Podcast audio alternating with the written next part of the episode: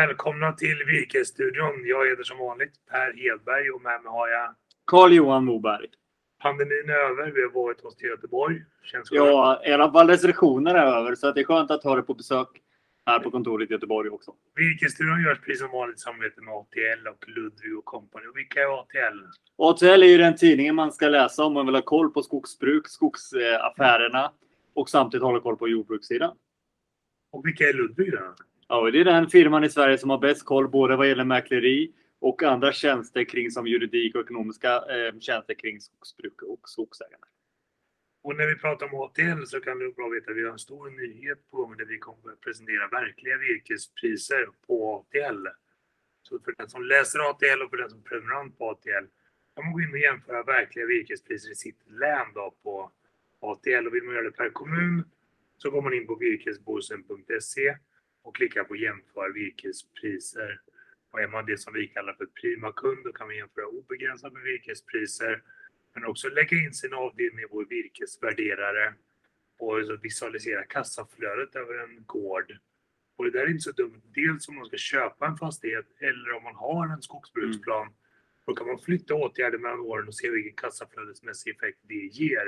Och det där är så himla viktigt om man står inför investering i skog eller investering i fastigheten. Vad kan jag plocka ut egentligen? Vilket kassaflöde kan jag få? Och hur då kan till exempel om man ska ta ett lån, då, hur jag kan belåna det. Så. Sen är det viktigt att veta också att även om man har ett väldigt positivt kassaflöde ett visst år så går det att jobba med det och fördela de intäkterna, sätta det på skogskonto och så vidare. Och där är ju verkligen Ludvig experter. Ja, men så är det. Och något jag vill bara säga till om nu när det finns de här verkliga virkespriserna ATL. Just i ATL här måste vi verkligen vara med att kunna läsa vad, vad, dollarn står, vad VT-pris det är, sådana saker. Och nu får vi även med de verkliga virkespriserna i Sverige. Jätteviktigt. ATL har hittills visat virkespriser i Baltikum och i Finland, men i Sverige har inte den här pristransparensen funnits förut. Så det är vi väldigt glada och stolta för att vi kan bidra med också. Men eh, nog om ATL och virkesbörsen. Ska vi ta ett meddelande från Ludvig kanske? Det gör vi. Hej, jag heter Johan Rovell, jobbar som skogsekonom i Borås på Ludvig Company. Jag vill bara slå ett slag för vår nya app eh, Ludvig Skog där vi hjälper er med bokföring, bokslut och deklaration helt digitalt och just nu har vi ett erbjudande med två månaders gratis eh, prövotid. Om ni vill veta mer så följ länken eller kontakta mig eller någon av mina kollegor runt om i landet. Tack för mig och åter till Virkesstudion.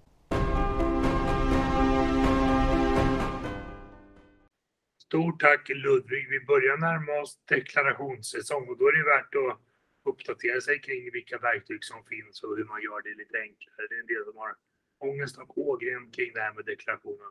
Ja, men jag tror det både som, vad ska man säga, som, som deklarerar, den som ska deklarera, men samtidigt den personen man går till för att det är nog alldeles för många påsar så kommer in fortfarande med kvittorna. I ATL så kunde vi läsa om produktionsrekord för sågverken. Det blir ett bra år 2021 för sågverken. Ja, men det måste man ju säga. Eh, visst så dippar det lite kanske i slutet av åren när man kollar på lönsamheten. Men eh, fantastiskt år även det och sågverken har ju verkligen gått om eh, massaproduktionen nu i lönsamhet. Och jag tror att vi kommer fortsatt läsa om produktionsrekord i sågverken för att sågverken, deras jättestora vinter de har gjort förra året, kommer ju delvis användas för att finansiera nyinvesteringar i utbyggnad av kapacitet. Så det ligger så att säga i, i tangentens riktning att vi kommer få se mer sågverk, mer sågverkskapacitet och därmed också fler produktionsrekord, kanske redan i år. Ja, det tror jag. Och det har vi egentligen sett eh, under hela året också, att man har legat i framkant planerat för att återinvestera i sina anläggningar, se till att bygga ut kapaciteten. Så att det kommer vi se. Sen är det alltid intressant att se vad händer. Kommer det vara fler sågverk som går ihop? Går samman. Det har vi ju sett sista tiden här. Eller kommer det vara så att det till och med dyker upp någon ny aktör? Jag tror lite grann som Håkan Ekström pratade om i förra avsnittet av EG-studion att det kommer komma fler utländska aktörer och söka sig in på den nordiska marknaden. Nej men alltså vadå Sverige är ju, och norra Europa eller vad man kan säga vårt område är högintressant just för vi har, vi har råvaran, vi har en eh, kunskap och tradition av att bruka den. Och vi har, det är ju enkelt att göra affärer. Om vi stannar vid det nordiska perspektivet men sträcker blicken utanför och går till Baltikum så kan man läsa mycket om de baltiska virkespriserna just nu. Kan du hjälpa oss att förstå? För vi läser ibland om jättehöga virkespriser i Baltikum. och ibland om lite mer normala virkespriser. Vad, hur ska man tolka det här? Ja, men Baltikum har ju varit och är en typ av spotmarknad för den svenska eh, industrin egentligen. Att eh, när det kanske börjar bli brist på vedgården eller vid, hamnen i Sverige så kan man gå över och köpa där, där man behöver ha. Och det som har varit en stor brist och är det är just på björkmassaveden. Och där har man då kunnat läsa om att det varit enorma priser i hamn. 800-900 i hamnen. Det låter ju kronor per kubikmeter. Det är ju otroligt höga priser. Ja, det är det. Det är det ju. Och det är ju klart, då visar man ju på vad betalningsförmågan är. Men man måste också backa lite i den här kedjan och titta. För man, det, är, det är svårt då som enskild markägare att jämföra vad man själv kanske får mot de här, vad som är priset i hamn. Utan man får gå och kolla då vad markägaren får också i skogen i Baltikum och då kanske björkmassaveden ligger runt 400-450 kronor nu fritt bilväg. Och jag tror att om vi ser den här väldigt slagiga prisutvecklingen på sågade trävaror då kommer det också smitta ner sig så att vi kommer få mycket mer kraftiga fluktuationer på virkesmarknaden också. Så att sågtimmer kommer fluktuera mycket och massaveden kommer fluktuera mycket och då kommer den fluktuera kanske som mest bort i Baltikum. Ja, ja, men det tror jag alla gånger. Och sen handlar det ju om att jag tror att det här är ju svårt att hänga med vad som händer egentligen. Och som markägare så måste ju du ha mycket kunskap om vad som händer på marknaden. Det är klart att de som sitter på bolagen följer det här mer intensivt. Men ändå svårt som en enskild eller som den, den där köparen en viss kommun hålla koll på vad är virkespriset just nu. Jag blir kontaktad av flera norska vedproducenter som gärna vill komma åt och köpa björk till exempel.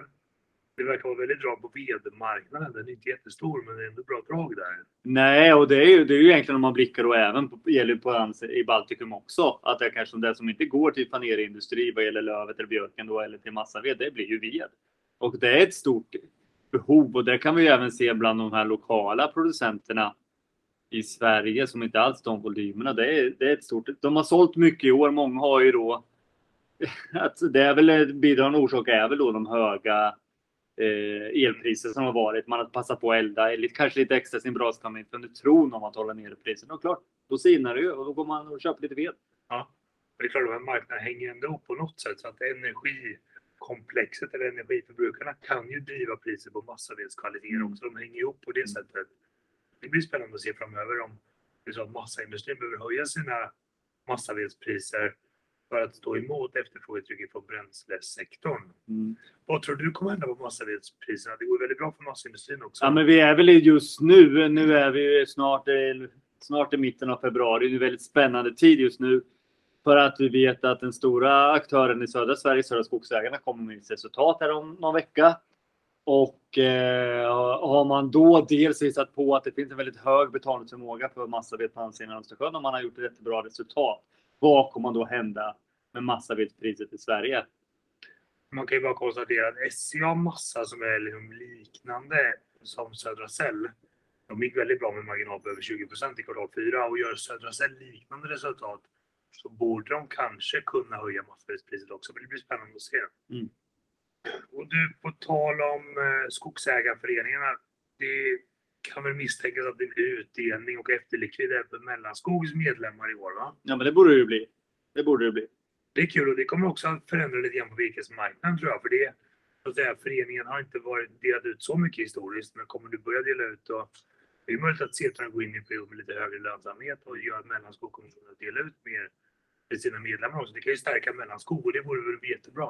Ja, men det är bra. Men sen samtidigt ska man också eh, ställa frågan vad händer med Setra? För det finns ju också ett uppdrag från andra delägare än då staten att man ska avyttra eh, Setra. Och inget dåligt läge att sälja Setra med höga marginaler. Det går väldigt bra just nu så det kan vara bra läge att sälja och få bra betalt för det. Och det borde ju finnas de som vill investera i mer sågverkskapacitet kan man tycka. Det kan man tycka och även då om vi backar tillbaka lite vad vi pratade om tidigare här idag att, att det finns ett intresse utomlands ifrån att gå in i svensk sågverksindustri. Jag tittade på Setras marginal. Den gick ner kraftigt under kvartal 4 jämfört med kvartal 3. Men nu har ju priset på sågade i USA rusat uppåt igen. Så jag tror att deras marginal kommer gå upp igen i kvartal 1. Det ska bli väldigt spännande att följa det här faktiskt. Ett nytt år med ny spännande bevakning av virkesmarknaden. Det är väl det vi ser fram emot. Ja, men det är det ju. Och sen så vet vi att nu kommer mycket projekt igång. Byggprojekten till våren. både i Sverige och utomlands. Eh, alltså, sen är det ju trallarna ska ju byggas. Den ska ju vara klar till midsommar. Frågan är ju bara nu, nu när restriktionerna har släppts, blir det mindre pengar över till trall? På grund av att man vill då kanske ut och resa mer igen, ut och äta på restaurang, alltså konsumera mer än just i byggvaror. Kommer det på något sätt påverka priset eh, i, i Sverige? Det ska bli intressant att följa tycker jag. För varje gång man tankar bilen så blir det väl en kvadratmeter mindre trall. Typ. Ja, det kan man väl säga. Jag tycker vi tar och rundar av där för idag. Har man frågor och funderingar går jättebra att skriva till oss på virkesstudion virkesborsen.se. Läs tidningen ATL, håll er uppdaterade. Och behöver ni hjälp och skoglig rådgivning då besöker ni ludvig.se. Och sen så ska vi slå ett slag för våran kväll nästa vecka. Det ska vi. Då ska vi verkligen grotta ner oss i hur det gick kvartal fyra för skogsbolagen.